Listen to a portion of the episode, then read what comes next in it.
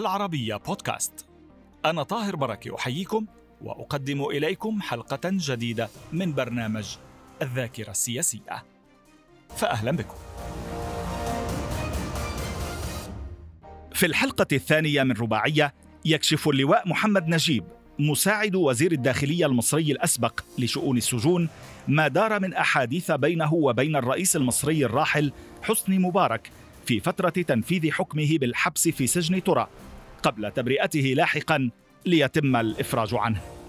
مبارك سأل اللواء محمد نجيب عن المطلوب منه وعن مواعيد الزيارات وطلب أن يزوره أطباؤه وهو ما يسمح به نظام السجون. في البداية مكث جمال مبارك مع والده قبل أن ينضم إليه علاء مبارك بعدما سقط والدهما في الحمام. مساعد وزير الداخلية المصري لشؤون السجون الأسبق يروي يوميات أركان نظام مبارك في السجن ويعدد بعض المخالفات الإدارية التي ارتكبوها. كذلك يتطرق إلى زيارة لجنة من الإخوان المسلمين لسجن ترى بعد فوز محمد مرسي في الانتخابات الرئاسية. سيادة اللواء أهلا بكم مجددا. أهلا بك طارق وصلنا إلى إقناعكم الرئيس مبارك الرئيس آه. الأسبق حسني مبارك بالنزول آه. إلى سجن ترى من آه. الطائرة ولكن كانت لديه بعض الأسئلة. آه. هو قال لي نظامكم إيه في السجن؟ وإيه المطلوب مني؟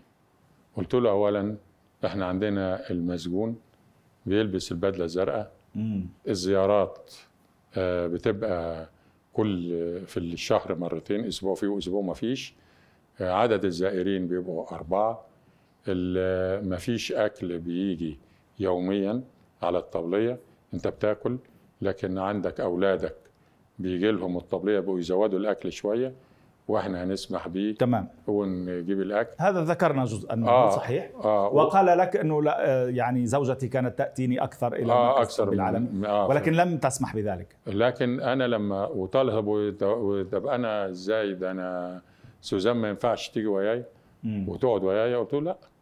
سوزان ما ينفعش السيده الأولى السابقة. سيدة نعم. الزوجة آه السيده الزوجة ما تنفعش تيجي لأن أصلا أنت في سجن حريم في سجن رجالي. نعم. فما ينفعش تيجي واحدة ست وتقعد في السجن الرجالي ادي نقطة. النقطة الثانية إن التعليمات بتقضي إن المسجون فقط وإذا كان مرافق وهي بيبقى محبوس. مم. يا إما محبوس احتياطي أو واخد حكم. قال لي طيب.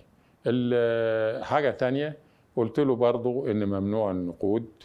ما فيش فلوس تبقى موجودة. عايز تحط في الأمانات حد يحط لك في الأمانات واللي هتشتري منه في السجن أو الحاجات اللي زي دي. قلت له على نظام القانون السجون ولوائحه. بهذه الطريقة. قال طيب ماشي. آه طب أنا عندي أطبائي عايزه يجوا لي. قلت له الأطباء بتوعك هيجوا لك. ولو ساءت حالتك تأكد إن إحنا هن هنوديك لمستشفى مم. بس العلاج هيبقى على حسابك. مش هيبقى على حساب المصلحة. طيب. قال لي طيب ماشي. وقال لي في اللي أنا بقى إن أنا مشترك في المستشفى الجلاء العسكري صحيح. في التأمين الصحي. شو شو يعني حسيته ملتزم؟ يعني آه هو كان طبعا ملتزم بعد بعد قبوله. آه نزلنا وركبت ولاد وياه الاثنين ركبوا عربية الإسعاف مم. وأنا خدت عربيتي وفي مجموعة قتالية طلعت وراه وصلنا سجن المزرعه ملحق المزرعة دخلناه على المستشفى. وحطيناه على السرير. آه قلت له هذه البتاعه دي مكيفة بطبيعة الحال لأنها مستشفى ورعايه حرجه قال ما بحبش التكييف عموما يعني. فقلت طب ماشي. آه هتعوز مني حاجة بعد كده بعد ما هو قعد واستريح ووديت علاء بقى تاني للسجن تاني خليته مودي وجمال ضل مع والده. وجمال ضل معاه على أساس إن هو ما بيتحركش من على السرير إلا إذا كان يروح للحمام. وصار يبدل يوم بيوم هو لا ما راحش. بقى بدل يوم بيوم أسبوع بأسبوع. على ما جه الأسبوع الثاني كان هو آه سقط منهم في من جمال في الحمام مم. فأنا في الوقت ده آه شكلت لجنة طبية لبيان عما إذا كان هو جمال يقدر آه يقوم بإسعافاته ويابوه ولا يحتاج تاني وخاصة في دخول الحمام فقالوا لا عايزين واحد تاني فجبت علاء ليه فبقوا الاثنين دلوقتي وياه نعم للحفاظ عليه تمام يعني الأسبوع الأول كان معه آه. آه. ابنه جمال آه ومن ثم التحق بهما التحق على علاء. آه، بعد كده. أيضا آه. لفترة كم قعد لحد ما نقل بعد كده وتعب ونقل إلى مستشفى المعاد العسكري مم. بعد تصديق القوات المسلحة على انتقاله لمستشفى هذه المدة. كم تقريبا قعد حوالي أسبوع أو اثنين. في مستشفى وراح بعد كده له لجنة من الطب الشرعي وال- والسجون وقعدوه للس... لل... للسجن تاني في. خلال تلك الفترة كانت الحراسة حسب القوات المسلحة ومن ضباط القوات المسلحة لأن دي منطقة عسكرية وبعد كده آه، كانت الزيارات مديهم يعني مع وعيد الزيارات وكيفية الزيارة والحاجات اللي زي كده. طبعا هو أول ما دخل عملوا له الأشعاعات أول ما دخل؟ أول ما دخل؟ المستشفى. بس في دخول المستشفى دي كانت قصة. المعادي تقصد؟ المعادي نعم. آه، كان آه، في الوقت ده عرف ال- رجال الإعلام وال... إن هو رايح على ال- على مستشفى المعادي. ففي البوابة الرئيسية بيطلع منها المأموريات. فكلهم وقفوا على البوابة الرئيسية. وفي منهم ناس على السطوح عشان يراقبوا الحالة اللي هو وقت خروجه. لأن كان كل حاجة بتذاع وما أعرفش كانت بتذاع إزاي عن طريق النيابة عن طريق أو مش عن طريق النيابة عن طريق أي مصادر لهم. المهم آه، أنا عملت آه، قول آه، عربية إسعاف وعربيتين ثلاثة مدرعة عشان يطلعوا بيه. ورحت أنا يعني تقصد تمويه أو؟ تمويه. نعم. فطبعا ما حسوش بحاجة وأنا خدته من باب خارجي اللي هو أصلا آه، بي يعني لا يتوقع منه يخرج أي مأمورية ولا مسجونية مم. آه، رجعت التقيت فيه بعدين؟ لا بعدين آه التقيت آه، بيه. متى؟ بس أنا يوم ما التقيت بيه في تاني يوم ما دخل آه لقيته هو ملتزم جدا أيوه. لابس ال- البدلة الزرقاء عبارة عن تريننج أزرق هو اللبس بتاع نزيل السجن. نزيل السجن. ولقيته نايم ومستريح ولا بيقول حاجة هو بس كان يقول أنا عايز أخرج أشم الهواء من الحجرة اللي هو فيها أو إن هو وكان مسموح ذلك له في, كان مسموح في أي هو وقت؟ مسموح ل... لأ في أوقات اسمها أوقات التريض نعم. للمساجين كلها. اوقات التريض للمساجين والمحبوسين احتياطي ده بيبقى ساعة في اليوم. مم. نص كده ونص كده غير اللي بيشتغل. طيب اللقاء الثاني آه، آه، أو الثالث نقول؟ الثاني يوم دي تاني يوم. اللقاء الثالث أيوه. بعد ما ما رجع من المستشفى واطمئنيت عليه وقال لي أنا عايز الأطباء بتوعي يجوا لي. هو الأطباء بتوعه تبع القوات المسلحة كنا بنختار الأمانة العامة للقوات المسلحة وكانوا بيوفروا له اللي هو آه، الاطقم الطبية الم- المناسبة يعني اللي هي كانت بتعالجه عالمه بحالته. بس هم قالوا لي المدير المركز الطبي العالمي في الوقت ده قال لي ما تقلقش على صحته هو كويس وعمليه ذبذبه الأذين اللي كانت بتجيله دي آه، دي عملية طبيعية. حتى أنا ليا دكتور آه، أستاذ ورئيس قسم القلب كان في جامعة الزقازيق. الدكتور عبد الفتاح فرير كان يعرف مسقط رأسك يعني. ها؟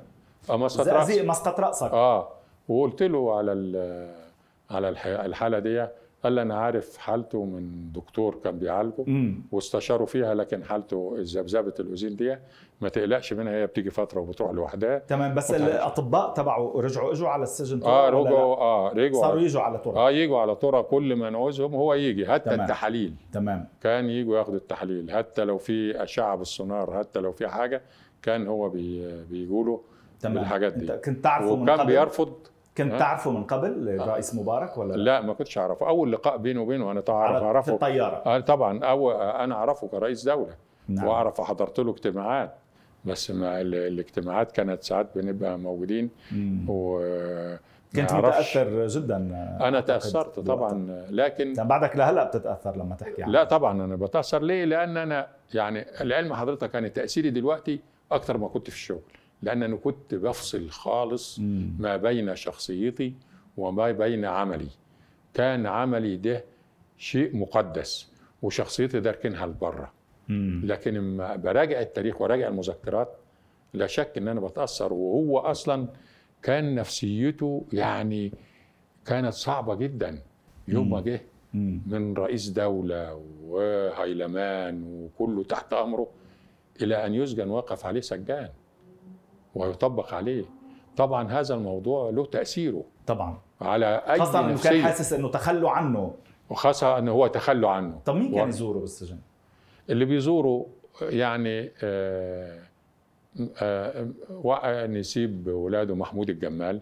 مم. اللي هو نسيب جمال. وأحمد واسمه إيه ده؟ راسخ. آه عمه يعني أبو أبو مرته صح؟ لا أبو أبو زوجته. أبو زوج بين أبو زوج ابنه بين إيه. ابنه. إيه؟ يعني جمال. أبو زوجة جمال. أبو زوجة جمال. صحيح. وأبو زوجة آه, يعني عمه لجمال. نعم. آه. تمام. وأبو زوجة آه علاء. نعم. راسخ. وكان في بعض ال- ال- القرايب بقى غير سوزان السيدة سوزان وغير آه، آه، ساعات أخت مرات ده تيجي أخت أخو مرات ده يجي يزوروه لأن هم لهم أربعة في الواحد مم. أربعة آه أربع زيارات أر... لا أربع أفراد في زيارة أربع أفراد في زيارة أيوة آه وبعدين هم ثلاثة في. الشهر تقريبا صح؟ لا زيارة ز- آه قلنا ثلاثة في الشهر. آه اثنين بالزيارة الاستثنائية وقت الأعياد القومية مهم. فضلا على إن عنده ولاده آه، اللي هم الأربعة الاثنين كل واحد له أربعة بس كان طبعا بيزوروا في أماكن الزيارات مم. مع الكل؟ لا مع لوحده لأن أم إحنا تقول في أماكن الزيارات يعني عند- لكل نزلاء السجن لا, لا أماكن الزيارات ما هو في مكان مخصص لل... للأعضاء ال- للأفراد النظام السابق مم. ليه لأن إحنا بنخشى من الاعتداء عليهم آه تمام. لأن إحنا عندنا حاجة اسمها تصنيف في السجون تمام كل قضايا بتبقى لوحدها مع النوعيات المش- المتشابهة بتبقى لوحدها أموال عامة لوحدها. خوفا من الاعتداء عليهم. يعني. البعض سيقول لك إنه معاملة خاصة وليس آه خوفا من لا الاعتداء لا خوفا على حياته. مم. لانني ما ينفعش إن أنا أجيب واحد آه، في قضايا قتل وفي ممكن يتعرض ل صح. آه أو بس ال- القاعة اذا بيكونوا فيها لحالهم. يعني لا، كان- حدا معهم. كان آه، أشيع. وكانت آه، فترة آه، الإخوان كان عندهم سوء الظن دايما مم. إن آه، الأفراد النظام دولي بيبعتوا رسائل لبره عشان خاطر يعملوا قلاقل امنيه ويعملوا مظاهرات. فقالوا مرة على آه، زكريا عزمي وقالوا مرة على آه، ناس تانية على أحمد عز ومرة تانية قالوا على دول فأنا أصدرت قرار إن كل زيارة لفرد من الأفراد دي يقعد ضابط معاهم على الترابيزة يسمع كل ما يدور. لدرجة إن أحد الزوجات اعترضت وراحت كلمت السيد الوزير. والسيد الوزير قال لي أنت مانع. قلت له أيوه عشان خاطر في كذا وكذا. لو سيادتك عايز نشيلها نشيلها بس يبقى قرار من حضرتك. لكن عشان خاطر الناحيه الامنيه قال لي خلاص. زوجة من؟ آه، يعني آه، وز- آه، زوجة آه، السيد حبيب العدلي إلهام شاش وزير الداخلية الأسبق. نعم. آه. مم. بس رغم إن هو حبيب العدل يعني اداني وداني مناصب واداني أماكن آه، لا يرقى إليها إلا المقربين. مم. لكن دون معرفة. آه، بناء على توصيات وترشيحات. ترشيحات. من زملائكم. من قيادات الوزارة. وزير الداخلية آه، الأسبق آه، آه. حبيب العدلي. آه. آه، هل يعني كان أيضا ملتزما كما الرئيس مبارك؟ هقول لحضرتك هم كلهم كانوا ملتزمين. كان كل المخالفات اللي هم بيعملوها طبعا حبيب العدل ما كانش عنده أي مخالفة. مم. ولا حسن مبارك ولا أولاده.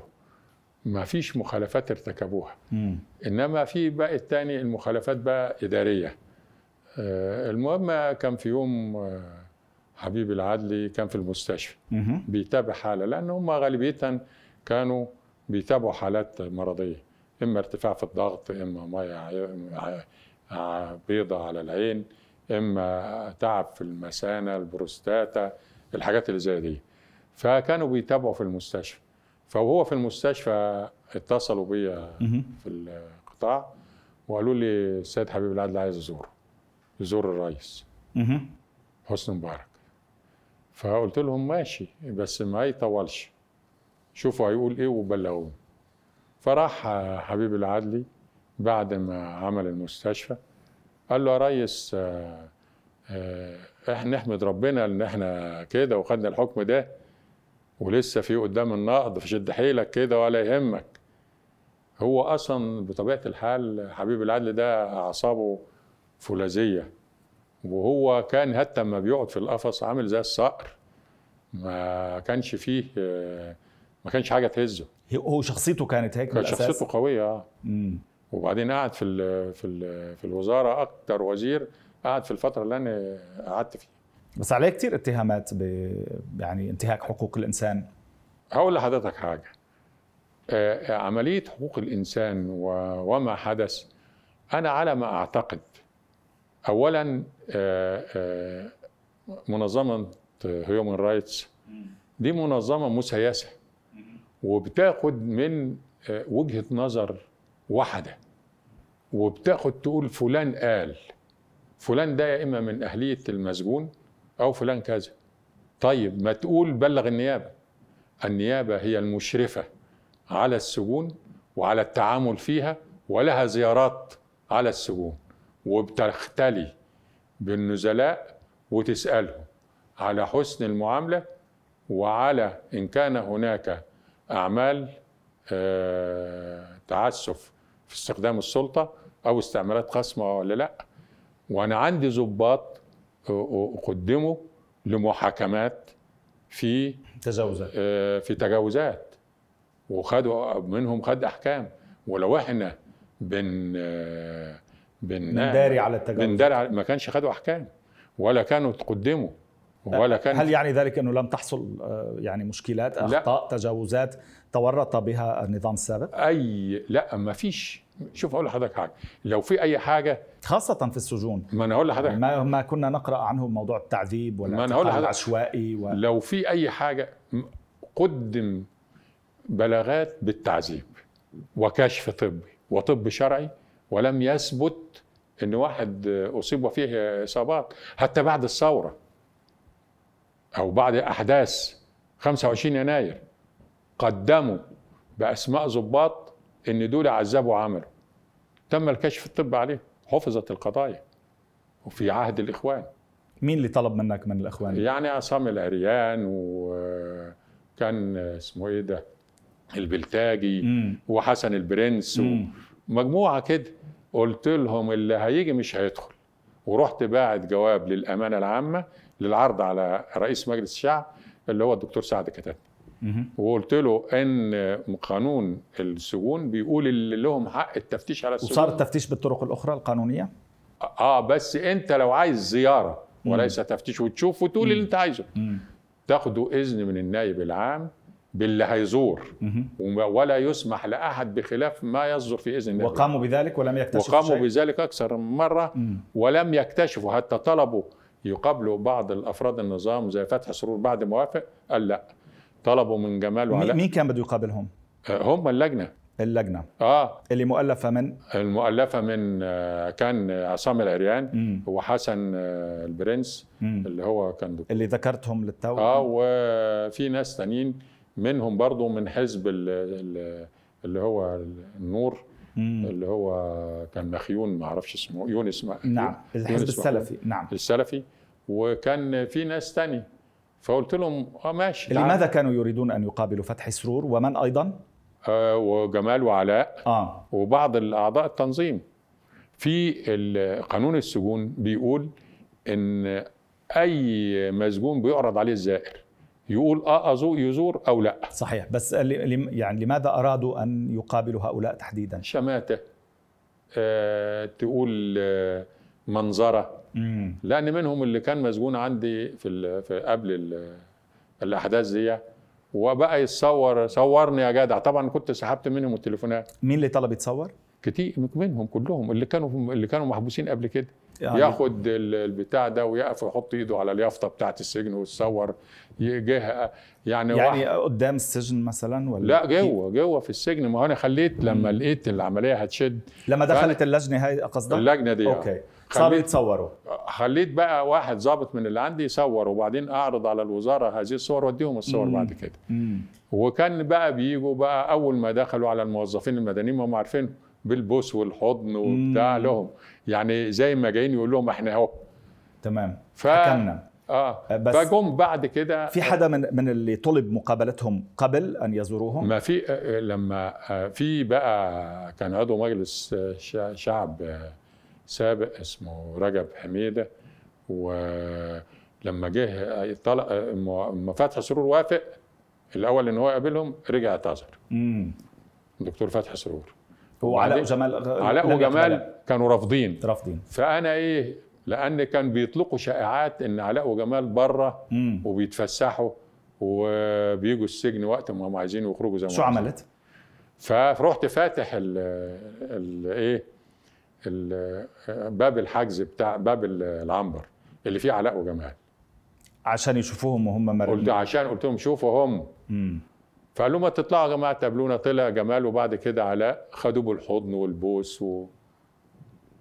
أوف. وانت عايز إيه وبتاع وعايزين إيه؟ قالوا إحنا عايزين بس يزودوا لنا فترة الطريق البلتاجي والبرنس الب... وال- ال... يونس مخيون ومخيون. ومخ- مخيون مخيون وحسن البرنس و... يعني من الإخوان شخصيات قيادية شخصيات من, الإخوان ومن والنور النور. ومن السلفيين. ومن ال أخذوا علاء وجمال بالأحضان في آه داخل السجن. بالأحضان. آه في داخل السجن. يعني شو؟ وأنا قلت؟ إيه اللي إيه إيه اللي حصل يعني؟ مم. هو طبعا كان يخاف ولا يهاب إن هو يجي يقابلهم فوجئ إن هم قدامه يعني. برضه حاجة تانية.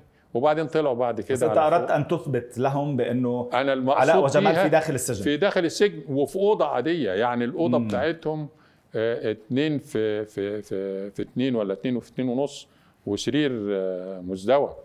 شو طبيعة الأغراض اللي كانت آه، تسلم من قبل عائلات آه، رموز نظام مبارك اللي كانوا يزوروهم يزوروهم في السجن؟ كان الأكل.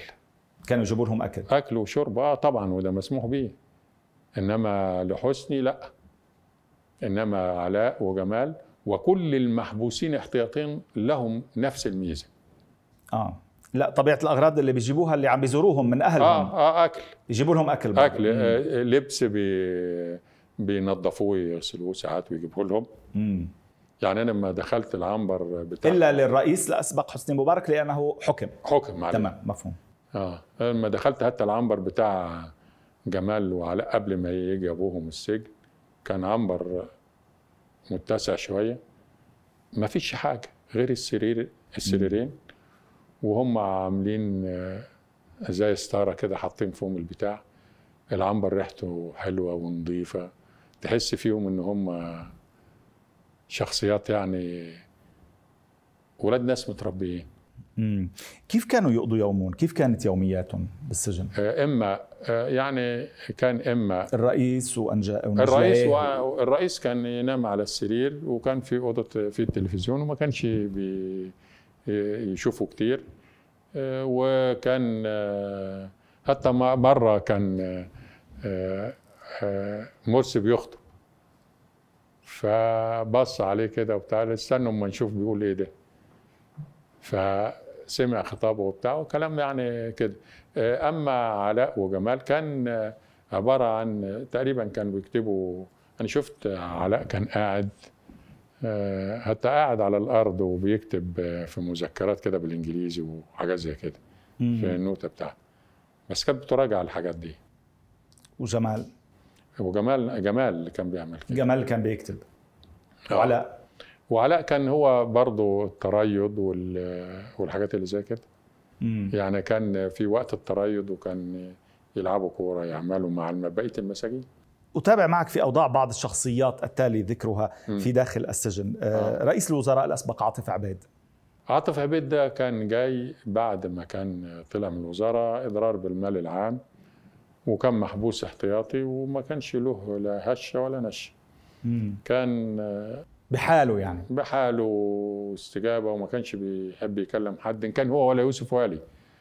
ويوسف والي قال قال أنتوا بتقدمونا لمحاكمات ليه؟ قال لي ظابط السجون يعني من الضباط اللي عندي.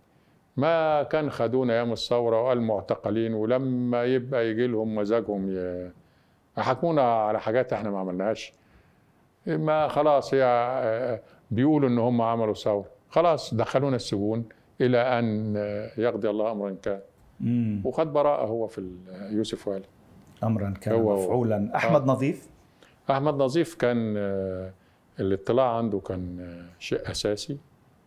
و كيف يعني؟ شو يطلب أشياء معينة يعني يقرأ هو فيها كان بيجي له كتب. لا كان بيجي له كتب وإحنا دي مسموح بيها. عبر الزيارات بي- يعني. آه عبر الزيارات أو آه، وفي مكتبة في شو السجن كان بس يجي له لاحمد نظيف؟ كان كتب كتب كلها باللغة الاجنبيه غير. ها؟ باللغة الأجنبية تقريبا في تخصصه وغير كتب. لا ما فيش غير كتب. مم. كان بي يعني ولا مرة ضبطتوا شيء هيك؟ لا لا. شو لا أحمد نظيف أقول لحضرتك حاجة. كل المخالفات اللي ظبطت مخالفات إدارية ليست جريمة في خارج السجن مم. لكن بنعتبرها جريمة في السجن. مم. مثل؟ الفلوس أو ذهب أو تليفونات محمولة. مع مين صار هيك مثلا؟ مثل مع مين؟ يعني مثلا أقول لحضرتك حاجة الدكتور فتحي سرور وهو راجع من ال من من الجلسة. مم. بيفتشوه. هو ما قدمهاش. لقينا معاه مش عارف 100 ولا 105 جنيه. مم. قلت لهم عملوا بها محضر. واتعمل بها محضر و... وخد جزء إداري. والجزء الإداري قد يتكون الانذار أو منع من الزيارة. كنا وصلنا في البودكاست الماضي في الحلقة الأولى ل يعني التوقيت الذي تعرضت فيه لمحاولة محاولة الاغتيال في عام 92 من آه. القرن الماضي في بيروت. آه في بيروت. كان آه، كان ده موافق يوم آه، السبت مهم. الموافق بقى إيه؟ كان 20 6 تقريبا آه، سنة 92 أنا آه، كنت في هذا اليوم كنت متوقع داخليا إن هيحصل لي شيء. إن هتقتل إن في حاجة. خاصة إن الجو مكهرب جدا. فأنا وأنا خارج قلت اللهم لا تجعلني أقتل أو أقتل. و- وخلاص ودعيتها ومشيت رحت على المركز قالوا طب اعمل الإعدادات وبعدين حصل الموقف اللي هو إيه وأنا في صنبه بنعد لجهاز جنازة عرفة دي ودفنه هو ورفيقه. آه، حصلت الحوادث الثلاثه دول اللي هي الثلاثه المسيحيين اللي اتقتلوا في أماكنهم. الجماعات الإسلامية راحت قتلتهم. مهم. وأعدوا كمين قصاد قرية اسمها نزلة الظاهر على طريق القاهرة أسيوط الزراعي. آه، وأنا ماشي قلت للعساكر وزعتهم على العربية وقلت لهم تكونوا جاهزين وقت لو قلت لكم اضربوا نار تضربوا على طول. فوجئت بقى صد قرية نزلة الظاهر دي بإيه؟ بناس خلف شجرة. من الشجر اللي هو بتاع القديم على النيل وكبير اللي هو التين البنغالي ده. مهم. بيبقى عريض جدا. فلقيت واحد طالع لي ببندقية آلي وضارب في وش العربية. اضرب اضرب للعساكر.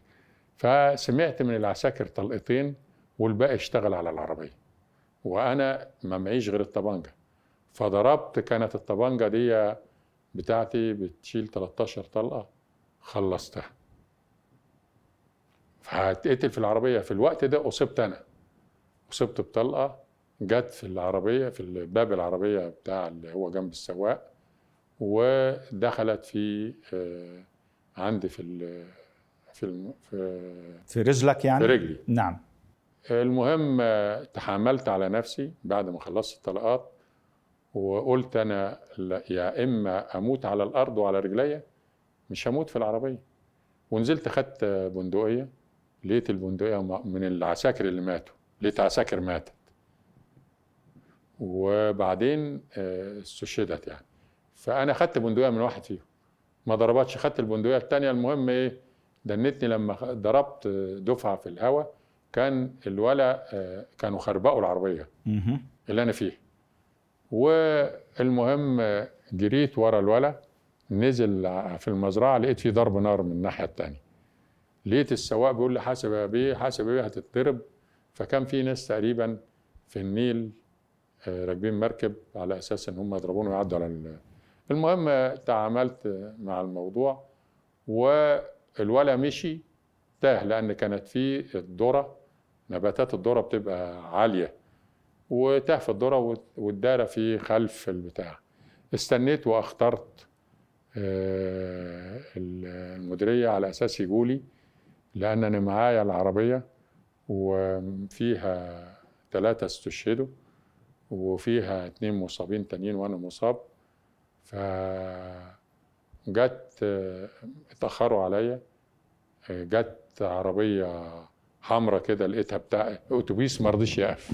لأن لقى ال- الواقعه كده وفي فالأتوبيس راح واخد بعضه وماشي. ما رضيش يقف مهم. المهم لقيت عربية جاية حمرة كده حكومة فلقيتها بتاعت تقريبا رئيس مجلس المدينة قلت له استنى خد خد. حملت فيه الجثث والمصابين وقلت له وديهم على المستشفى. وانتظرت أنا على العربية في المكان نفسه. طبعا جالي ال- الحكمدار في الوقت ده من صنبه ومجموعة قتالية بتاع إيه خير قلت له السلاح كان بايظ وزهقت لأن كنت كاتب تقرير قبليها إن السلاح فيه نسبة كبيرة معطوبة وعايزين تفكشيه وعايزين بتاع لأن أنا رحت بقاليش فترة بسيطة يعني. وقالوا طيب المهم يعني إيه أدور على السلاح بتاعي مش لاقيه. قلت يبقى قالوا إن الإرهابيين خدوه. بدأت أنا أدور على الفوارغ بتاعة الثلاثه عشان أثبت إن أنا تعاملت. المهم خدت عربية تانية ما فيش عربية إسعاف جات لي في المنطقة دي وأنا مصاب. خدت العربية خدت عربية أجرة وبسلاح آلي برضه بحيث إن لو في أي حاجة أتعامل معاه في الوقت ده جالي آه، آه، لقيت العربية الحمراء مقابلاني مم. رئيس مجلس المدينة. قلت له هات الطبانجة. من غير ما ي... ما أعرفش إن هي معاه قال لي أهي فحمدت ربنا لقيت إن أنا كنت وأنا بنقل الجثث وكيف قلت له له هات الطبنجه وأنت مش عارف إنها معاه؟ والله هو إحساس آه ما هو أنا دورت ما وهو ليش. أخذها؟ هو أنا حطيتها مع أنت. حطيتها بدون أنا كنت معلقها في بدون ما. تنتبه يعني. بقى لأن. كان بقى في الوقت ده. معلقها في صباعي ده وبعدين معلقها في صباعي وبندقية معايا وهكذا نجوت آه، كانت محاولة الاغتيال الوحيدة المؤكدة بالنسبة إليك فبالنسبه لي آه دي في يعني حياتك المهنية. في حياتي المهنية وكانت محاولة تانية للاعتداء على مركز أبو حماد. مم. آه، نتحدث عنه في البودكاست المقبل إن شاء الله في الحلقة الثالثة. شكرا شكراً. لوجودك معنا آه، مجددا سيادة اللواء محمد نجيب مساعد وزير الداخلية المصري الأسبق. نختم هذه الحلقة ونلتقي بداية من الأسبوع المقبل في الموعد نفسه. فأرجو أن تكونوا معنا. إلى اللقاء.